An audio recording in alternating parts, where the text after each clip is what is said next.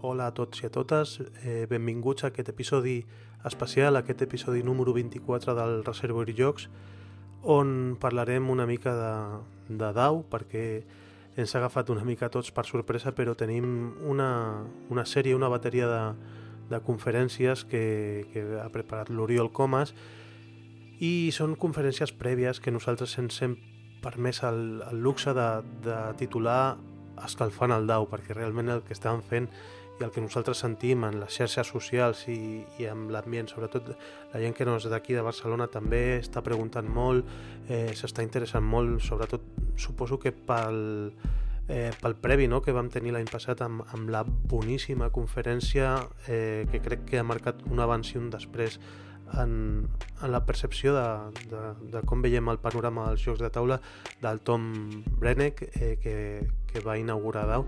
I ara doncs, s'ha muntat aquest cicle de, de quatre conferències prèvies.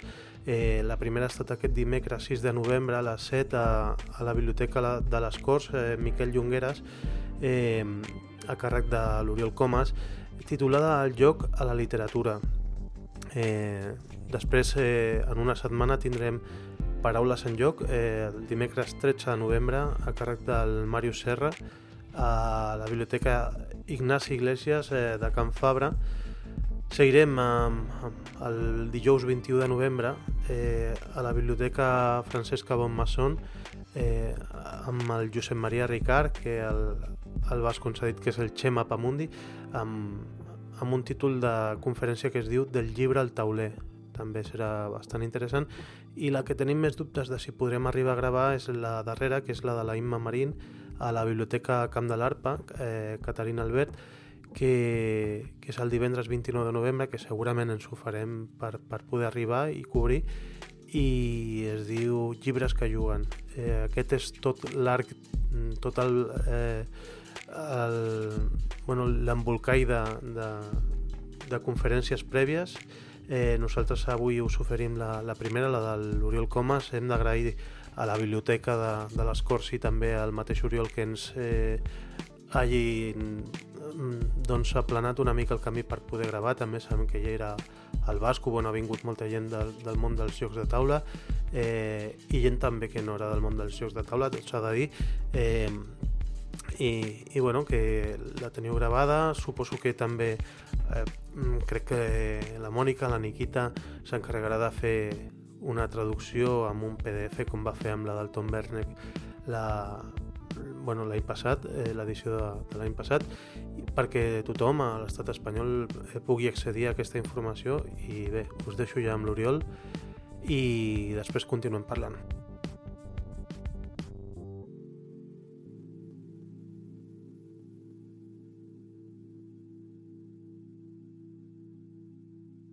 He portat una pila de llibres per, per, per parlar de jocs i de llibres perquè encara que de vegades no us sembli, els jocs formen part de la, de la nostra vida, de la nostra vida quotidiana des de sempre. Els jocs formen part de la humanitat des de sempre. I encara que no us sembli, el jugar, el formar part de la humanitat, també forma part de la literatura. Els jocs formen part de la literatura, encara que de vegades no ho sembli.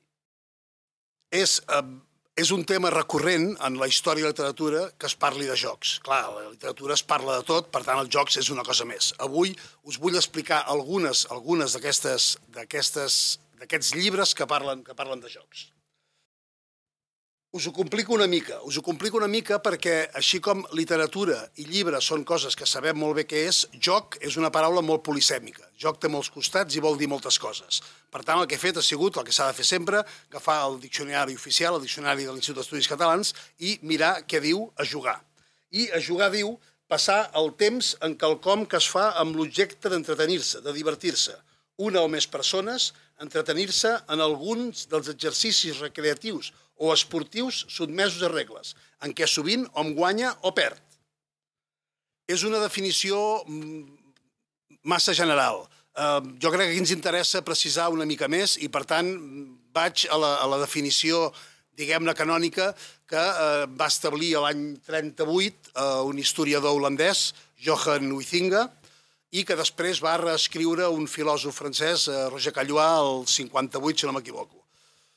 El llibre d'un, Homo Ludens, i el de l'altre, els jocs, Els jocs i els homes són dos llibres fonamentals per entendre la, la, la deriva, per entendre per què els jocs són cultura.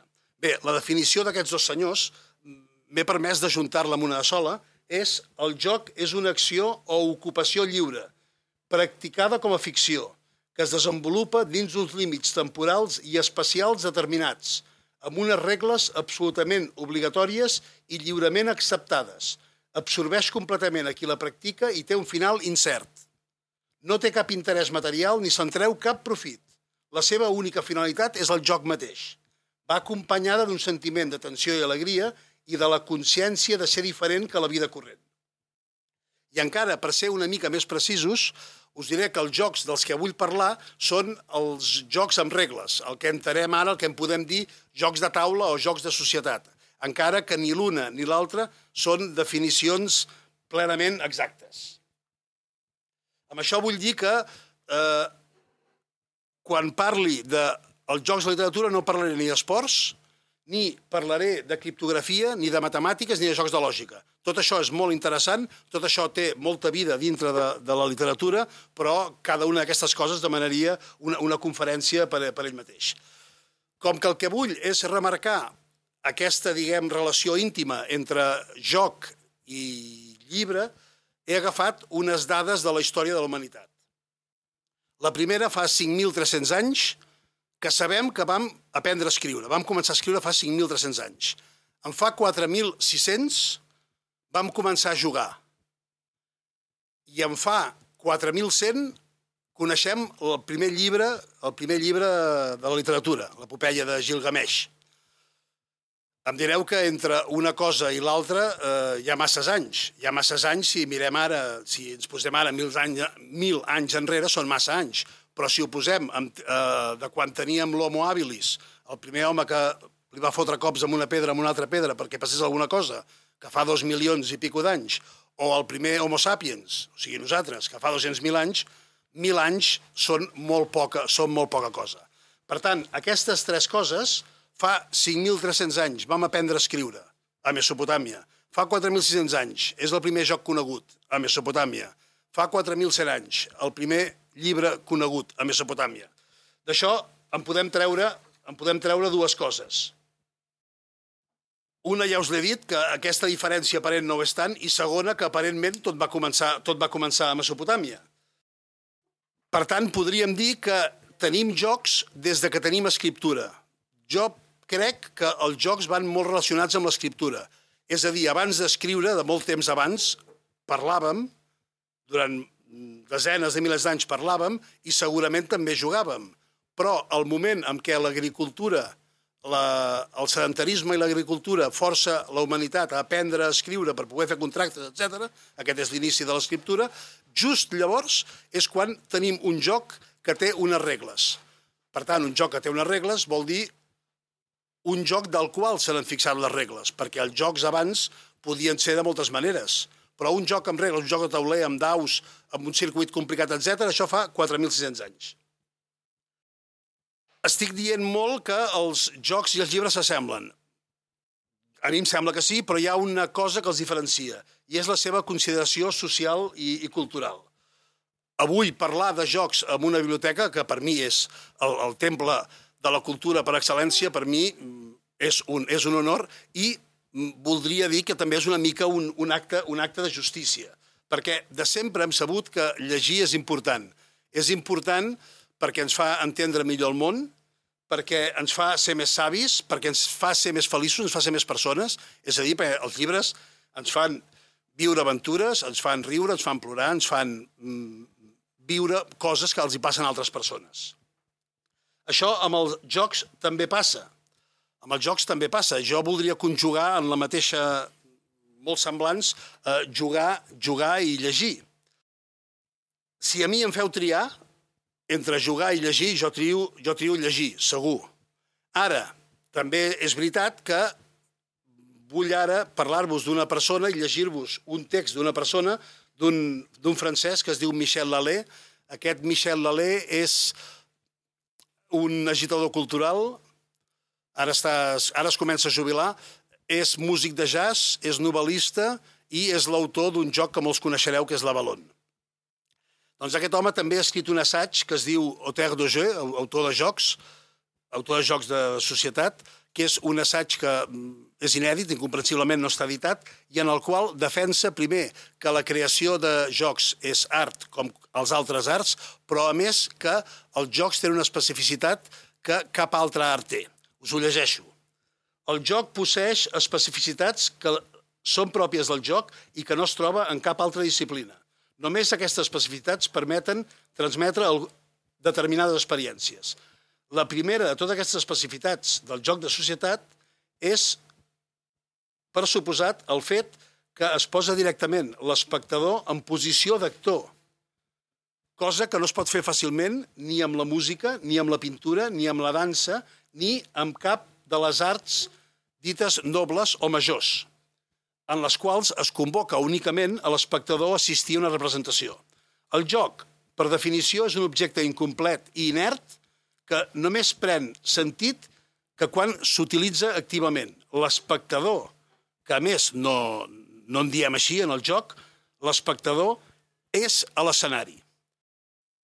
És l'espectador, és aquesta persona que juga, que està convidada, està invitada, està forçada a fer alguna cosa, a actuar. És ell que dona vida a l'espectacle. Ell és l'actor teatral del joc proposat. El joc no necessita, com altres arts, ser bonic. Pot ser, pot ser bonic o lleig o pot ser inclús banal, perquè el joc no interpel·la ni el nostre ull ni la nostra orella. El joc és neutre. El joc no invita a contemplar, a meditar, a admirar. Ens envia, no ens envia referències culturals que ja coneixem. El seu únic objecte és implicar-nos en l'acció. No us llegeixo més. Tot això, tota aquesta introducció, és per aquesta, diguem-ne, reivindicació, és per dir-nos que el joc ha d'estar dins de la cultura i ha d'estar al costat dels llibres. I és per això que avui, ara sí, us parlo dels jocs dintre la literatura. Per anar... Mmm, agafem grans, grans autors, per exemple, Shakespeare. Shakespeare, eh, eh, que si el, clar, si el dramaturg més gran de la història no va parlar de jocs, ni diem malament el, hi ha llibres consagrats dedicats exclusivament als jocs de Shakespeare. En els seus llibres surten els escacs, el billar, els daus, el backgammon, que encara llavors no es deia així, jocs de bales, jocs de monedes, tot tipus. Us he agafat només el, el somni d'una nit d'estiu, que hi surt un joc que coneixereu, eh, diu, eh, en un, diu Titània, en una, a l'escena 2, crec, a l'acte 2, per això els bous han estirat amb va l'arada, els llauradors s'han esmerçat per res, i el bat verd s'ha podrit abans de madurar. En els camps inundats les cledes ja són buides i els corps s'han atipat d'animals empastats. Les eres on els nens solien jugar al marro estan plenes de fang. Els sinuosos viaranys han desaparegut per falta de petjades i han estat envaïts per les herbes goludes. El marro, el nostre tres amb ratlla, el marro és una de les formes del, del 3 en ratlla, el marro que surt aquí és el Nine Men's Morris, que és el, un, un marro més, un 3 en ratlla més estratègic, ja era un joc molt popular, és un joc popular des, del, des dels romans, per tant, encara encara ho era a l'edat mitjana. Us, us, us agafo un altre autor, Rabelais, eh, si heu llegit Gargantua, sabeu aquesta obra tan, tan tan, tan satírica, tan, tan irònica sobre la seva societat, que es basa en l'aprenentatge humanista, Rabelais era un renaixentista, amb l'aprenentatge humanista d'un gegant gargantua nascut a l'orella de la seva mare. Bé, en el llibre sabeu que com aprèn, aprèn a fer-ho fer tot. I, per sort, un, per sort, un dels capítols, el 22, està dedicat als jocs de Gargantua. I, i explica, explica no, ressenya 180 i pico de jocs. Per tant, gràcies a aquest joc podem saber a què es jugava eh, a la França, a la França del segle, del segle XVI. Ahir em, em van dir, em, va trucar un, un amic que està aquí i em va dir, ja saps que de Gargantua n'hi ha, hi ha un joc de, fet tret de Gargantua? Doncs bé, de, de, Gargantua hi ha un joc, un dels, dels episodis de Gargantua és la, llu la lluita d'ell contra el rei Pic, Picroxol i d'aquest fet d'un capítol d'aquest llibre, un creador de jocs em va treure un wargame, un joc de simulació que representa la lluita de Rantua contra, contra aquest, aquest picoxol. aprofito per dir que la tercera d'aquestes conferències serà el, el retorn d'aquesta, l'inversa d'aquesta. El, el, el, Xema, el Xema Ricard ens parlarà de quan la literatura es fica dintre del joc. Aquest seria, seria un, cas, un cas evident. Per últim, Miguel de Cervantes, no sabem, han estudiat molt la vida de Cervantes, però no se sap si era jugador de cartes.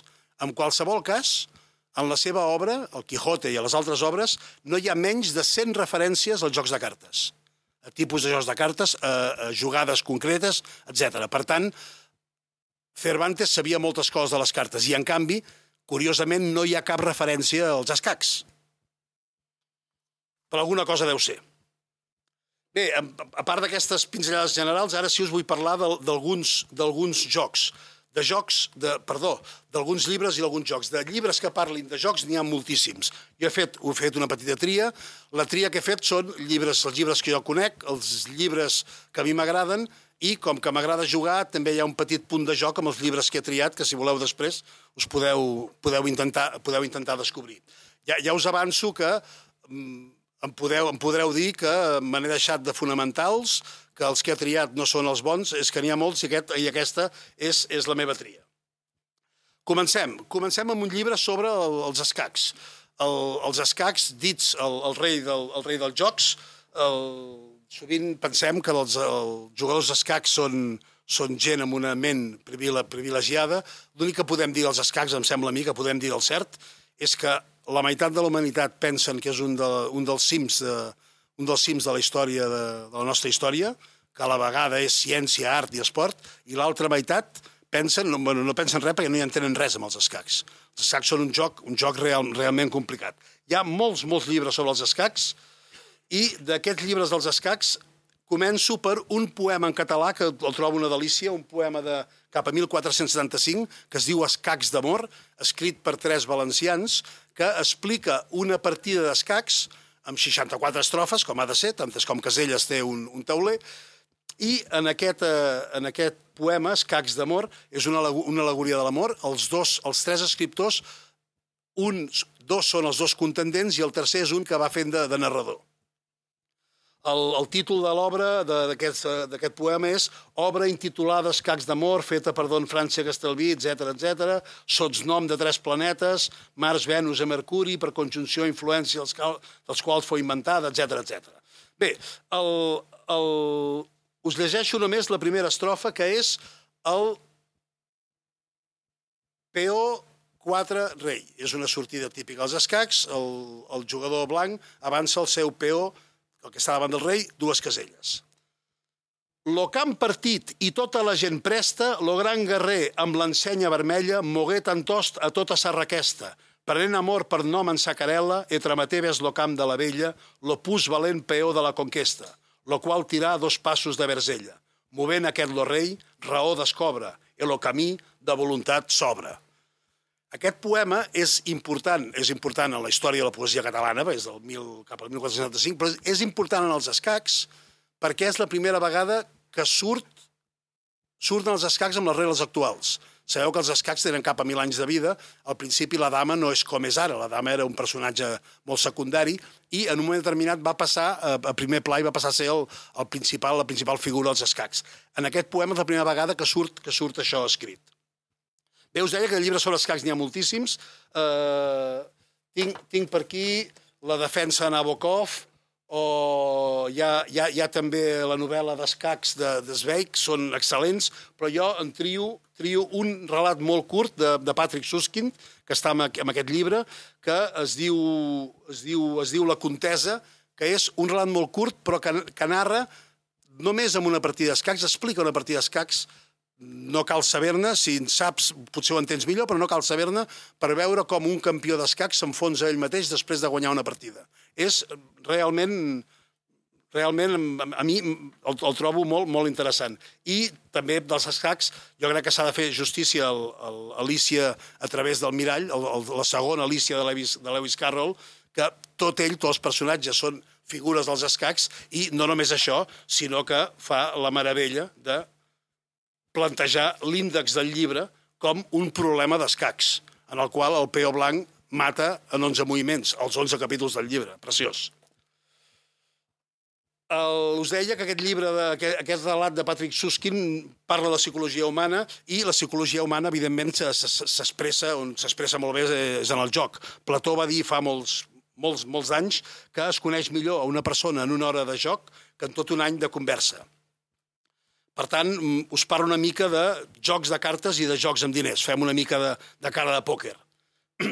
Aquí tenim, tenim jo, llibres com El jugador de Dostoyevsky o La dama de piques de Pushkin, els dos mm, molt psicològics, amb un personatge que al llarg d'una partida de cartes hi passen moltes coses. Bé, el jugador és en un casino, la dama de piques és en una, en una timba de cartes amb molts diners. I, amb permís, amb permís de, de Goldoni, una obra que van fer el llibre fa molts anys, no si la recordeu, Goldoni, quan va fer aquesta obra, hi va voler posar un detall de, de casa seva. I aquesta partida, aquesta obra gira al voltant d'una partida de Meneghela, un joc de cartes que juguen només a Venècia.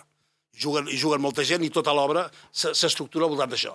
Però mm, de, entre aquests jo trio La dama de piques de, de Pushkin, eh, és, és molt curt i és una història on un, un home jove creu saber trobar la manera de guanyar molts diners a les cartes i qui li diu la combinació que farà guanyar és una morta, o ell creu, és una persona una senyora gran que mort als seus braços. Per tant, és una morta que li diu això. Ell, però ell fa la, segueix la combinació que li ha dit la, que li ha dit aquesta, aquesta senyora, que no sabem si ho ha somiat o què, no sabem si és una novel·la psicològica o de, o de terror, i acaba perdent a l'última carta perquè eh, allò que havia somiat o aquella senyora que havia tornat del més enllà l'havia enganyat. I acaba, el pobre Herman aquest acaba acaba amb un, amb un manicomi. Dels escacs passo al Go. I us, lege, us llegeixo un poema de Jorge Luis Borges que diu així. Hoy, 9 de septiembre de 1978, hoy, 9 de septiembre de 1978, tuvo, tuve en la palma de mi mano un pequeño disco de los 361 que se requieren para el juego astrológico del Go, ese otro ajedrez de Oriente. Es más antiguo que la más antigua escritura y el tablero es un mapa del universo. Sus variaciones negras y blancas agotarán el tiempo. En él pueden perderse los hombres como en el amor o en el día. Hoy, 9 de septiembre de 1978, yo, que soy ignorante de tantas cosas, sé que ignoro una más y agradezco a mis númenes esa revelación de laberintos que ja no exploraré. El Go és un joc molt, molt senzill d'aprendre. És un joc per dues persones, es juga amb un tauler de 19 per 19 línies, i es juga, com diu Borges, amb 361 fitxes, que es diuen pedres, 181 negres, 180 blanques, per torn cada jugador posa una d'aquestes pedres en una de les interseccions i l'objectiu és encerclar territoris amb una cadena contínua de pedres del teu color. Ja s'ha tot explicat. És un joc molt senzill. Només us diré contra aquesta senzillesa del, del, del, joc, de, del joc del Go, que així com el campió d'escacs des de fa uns anys és un programa, un programa d'ordinador, ningú ha estat encara capaç de programar un, un programa que guanyi els millors jugadors, els millors jugadors orientals. El Go és el nom japonès d'aquest joc, però també si un xinès us parla de Wei Chi o un coreà de Baduk, estem, estem parlant del mateix joc.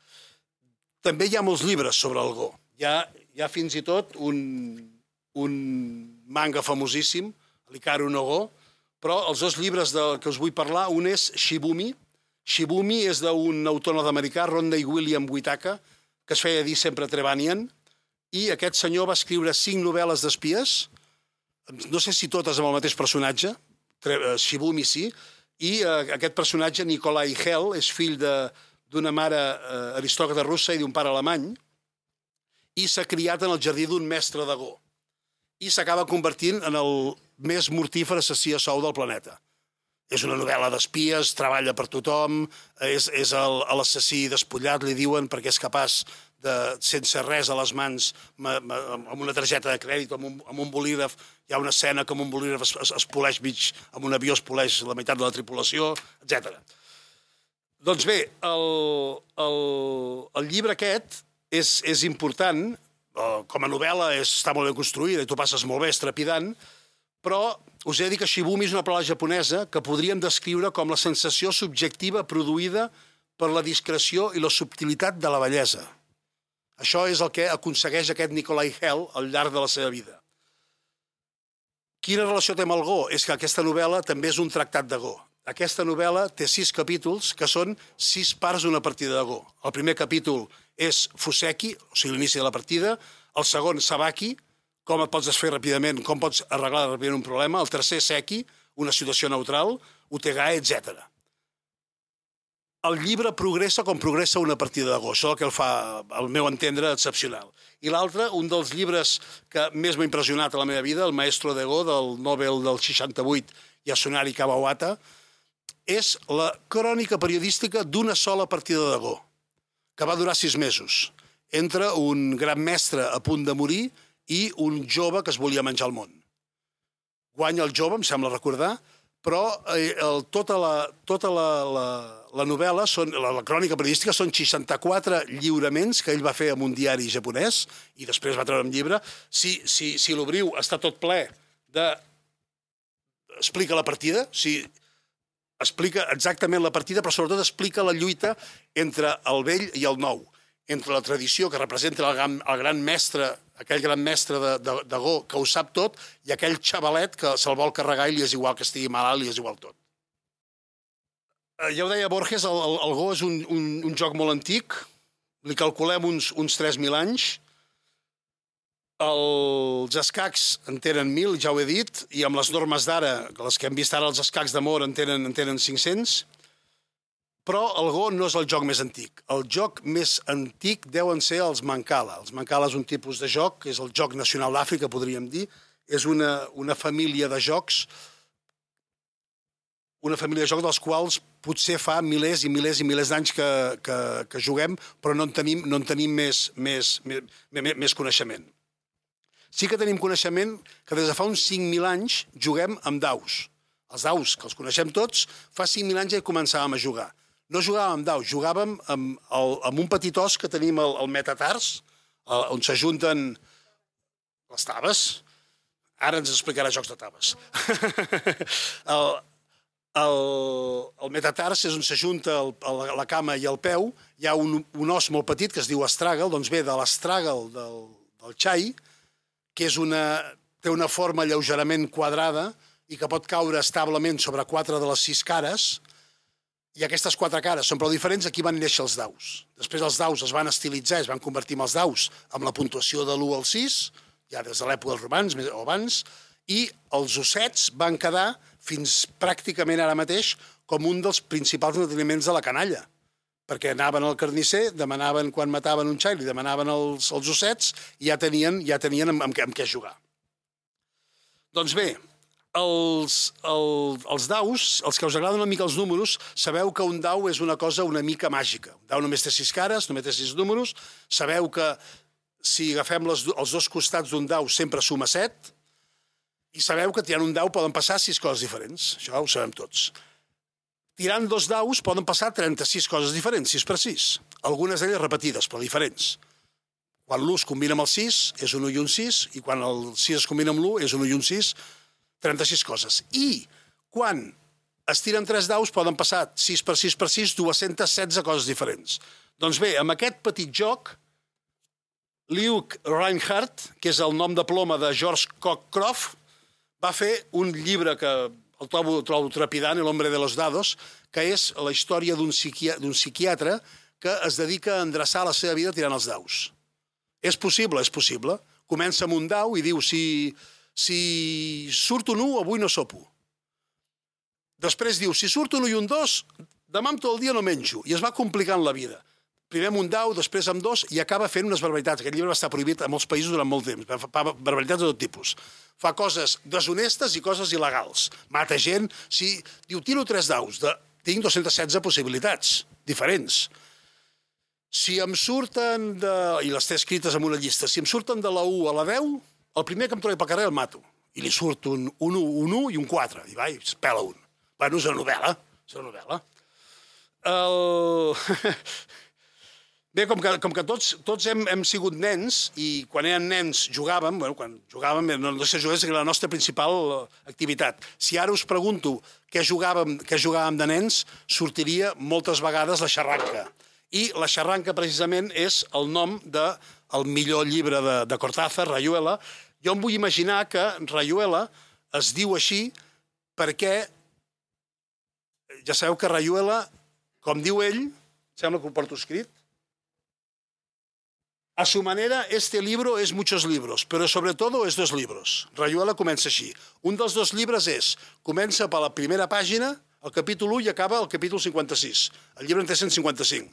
Se posa cara de tonto, perquè diu, si té 155 capítols i l'autor em diu que llegeixi fins al 55, sabré les coses que sabré. Aquesta és la manera 1 de llegir Rayuela. La manera 2, i tot això plegat ja, ja és un joc, com sempre feia Cortázar, la manera 2 és llegeix el llibre segons aquest ordre que jo et dic i que és un ordre que està aquí. Comença pel capítol 73, després per l'1, després pel 2, pel 116, i és una altra manera.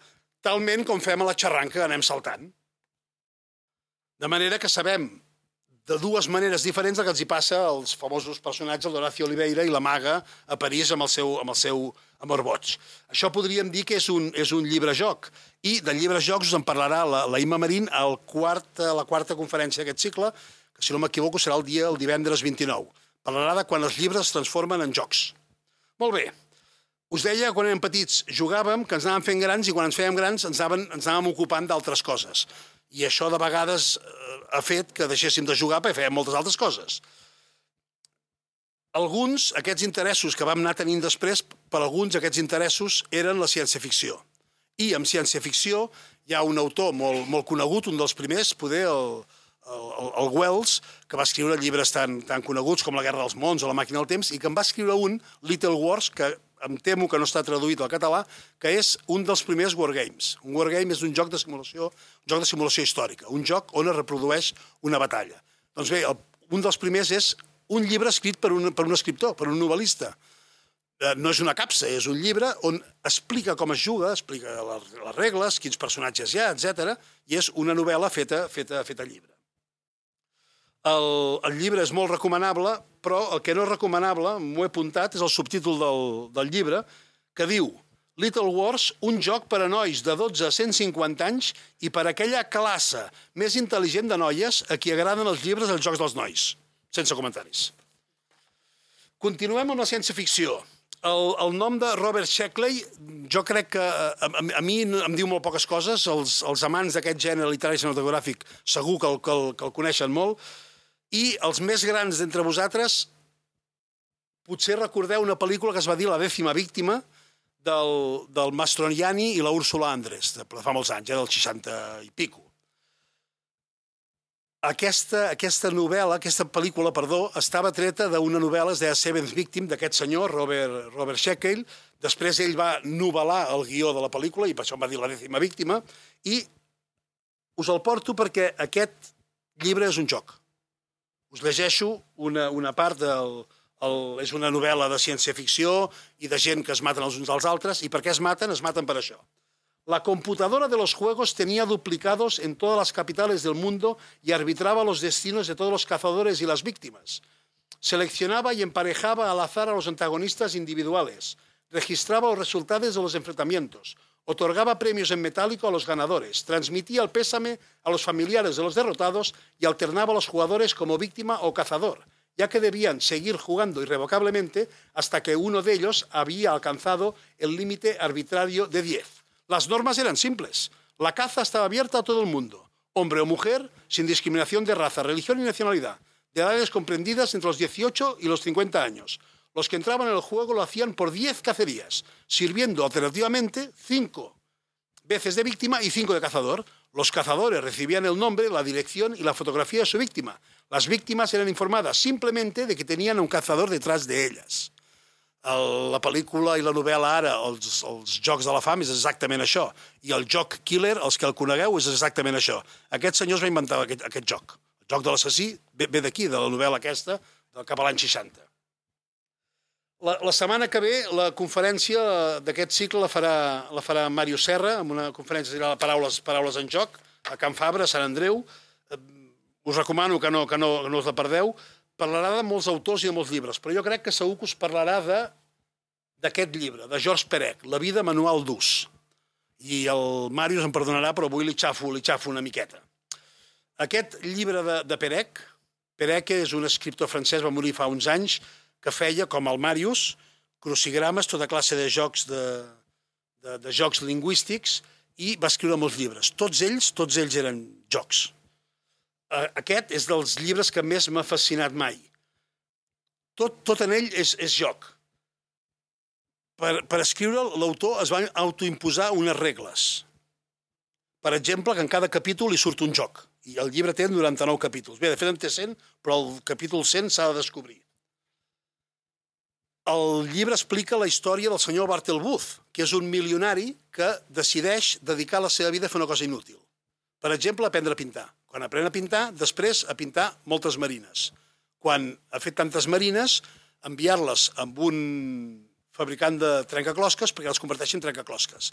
Després, un secretari les envia aquestes aquarel·les convertides en puzzles, en trencaclosques, les envia al mateix senyor Bartelbuz, que la rebrà un any després i passarà els últims anys de la seva vida construint els puzzles de les marines que ell de jove, després, etc etc.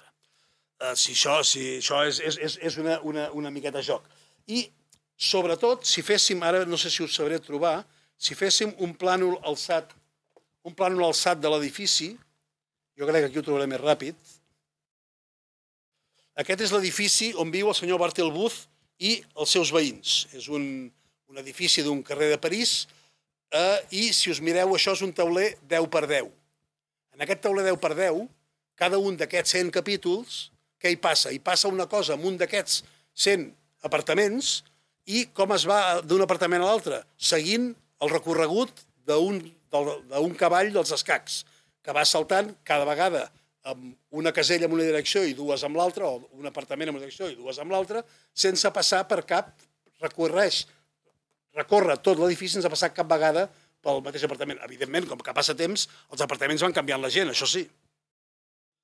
Bé, ja, ja acabo i acabo escombrant cap a casa. I acabo, vull dir, acabo amb un autor català. I precisament acabo amb Màrius Serra i els seus plans de futur. Jo us, us recomano molt aquest llibre. Eh, Aquest matí l'he acabat per, per segona vegada i jo crec que en Màrius està d'acord amb aquest llibre i he vist moltes coses de Guillermo Cabrera Infante. El Màrius, el Cabrera Infante, li encanta i he trobat, he, he apuntat pàgines i pàgines de llibreta de frases que, dic que aquesta frase l'hauria pogut escriure Guillermo, Guillermo Cabrera Infante. Uh, ja, per tant, hi ha molt joc lingüístic, però ara no és el que, no és el que us vull parlar. Sí, us en, us en dic només un, en el, en el llibre hi ha tres personatges que es diuen Ferran, dos de cos present i l'altre, si voleu saber, llegiu el llibre, i d'aquests tres personatges, aquests tres Ferran, un és el protagonista, el Ferran Sunyer, li diuen Ferri, per, di, per distingir-lo de l'altre Ferran, són cosins, i de, dels Ferrans el Màrius en, en declina fins a cinc o sis vegades. Fa declinacions del nom dels Ferrans. Per exemple, en aquest llibre s'inventa un verb que és ferranejar, que és que els dos Ferrans parlen de les seves coses d'amagat de les seves de les parentes. Eh, en el llibre surt una ferriteca, que és el lloc on els Ferrans estudien, evidentment. El, les coses en el llibre sempre s'agafen fèrriament, això sí. I surt inclús una ferriada, que és una ironia de, de gruixuda, com les que sol, com les que sol anar, deixar anar el, el ferri el, en, el, en el llibre. Bé, però com que no us vull parlar de joc de la llengua, sí que us vull parlar de jocs. En el, he comptat que en el llibre aquest del, del Màrius eh, juguen els personatges, són nens que van creixent fins a la mort de pràcticament tots, no de tots, el, he comptat fins a 12 jocs, però sobretot hi ha i surt un joc important. Per això el trec aquí, per això acabo amb, el, amb aquest llibre. El llibre balla una mica al voltant del parxís. El parxís, que és aquell joc que jugaven els nostres avis, per tant és el joc de casa nostra de sempre, doncs no és de casa nostra, el parxís és un joc que ve, que ve de l'Índia, i de l'Índia va venir, va arribar a través de l'imperi britànic, suposo, i a finals del 19 es va acabar establint aquí i s'ha acabat quedant. El bo del cas és que parxís, amb aquesta R, només es diu en català i en castellà. Amb les altres llengües del món on es juga el parxís, el nom no és mai parxís. En francès es diu els petits cavalls, el petit xebó. En alemany es diu una frase molt llarga que es tradueix per no t'emprenyis. En el, el món saxó es diu ludo, ah, perdó, ludo, i eh, ludo, eh, si recordeu el joc Cluedo o Cluedo, és una s'ajunta club, pista i dur de ludo dels moviments que fan les, les fitxes en el tauler. Bé, el per què hi ha aquesta R no ho sabem, perquè el nom original del joc en, en hindi, a l'Índia és Pachisi. Pachisi vol dir 25, que era la tirada màxima, es podia fer tirant el, els petxinetes feien servir com a daus quan jugaven amb, amb petxinetes, amb cauris. Quan va arribar el joc aquí, de Pachisi algun, hi, hi va créixer una R pantètica, no sabem com. El cas, el cas és que la tenim.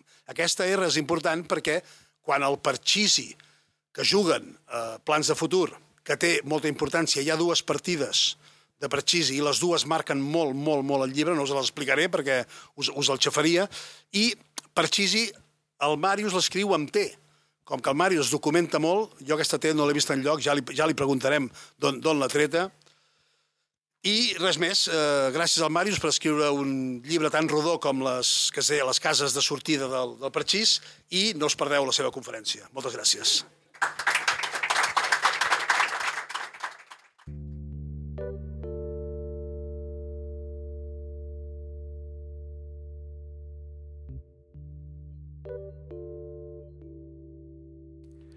Bé, ja, ja heu pogut escoltar que per fi s'ha parlat, com, com diu l'Oriol Comas, eh, de jocs de taula o de joc a, a aquest edifici mític de, de la cultura que és una biblioteca, però, però bé, jo ja sabeu que sóc un, un fervent de, defensor de l'opinió i abans d'acabar, bueno, de, de concloure aquest episodi amb, amb la primera de les, de les quatre conferències prèvies a Dau, m'agradaria també eh, donar la meva opinió i retre un petit homenatge a una persona que no té a lo millor els mitjans eh, ni els contactes eh, que té l'Oriol Comas eh, per poder introduir el concepte del joc dintre de, de les biblioteques de Barcelona en forma de conferències, en forma de xerrades de diferents personatges molt influents en el món del joc però per mi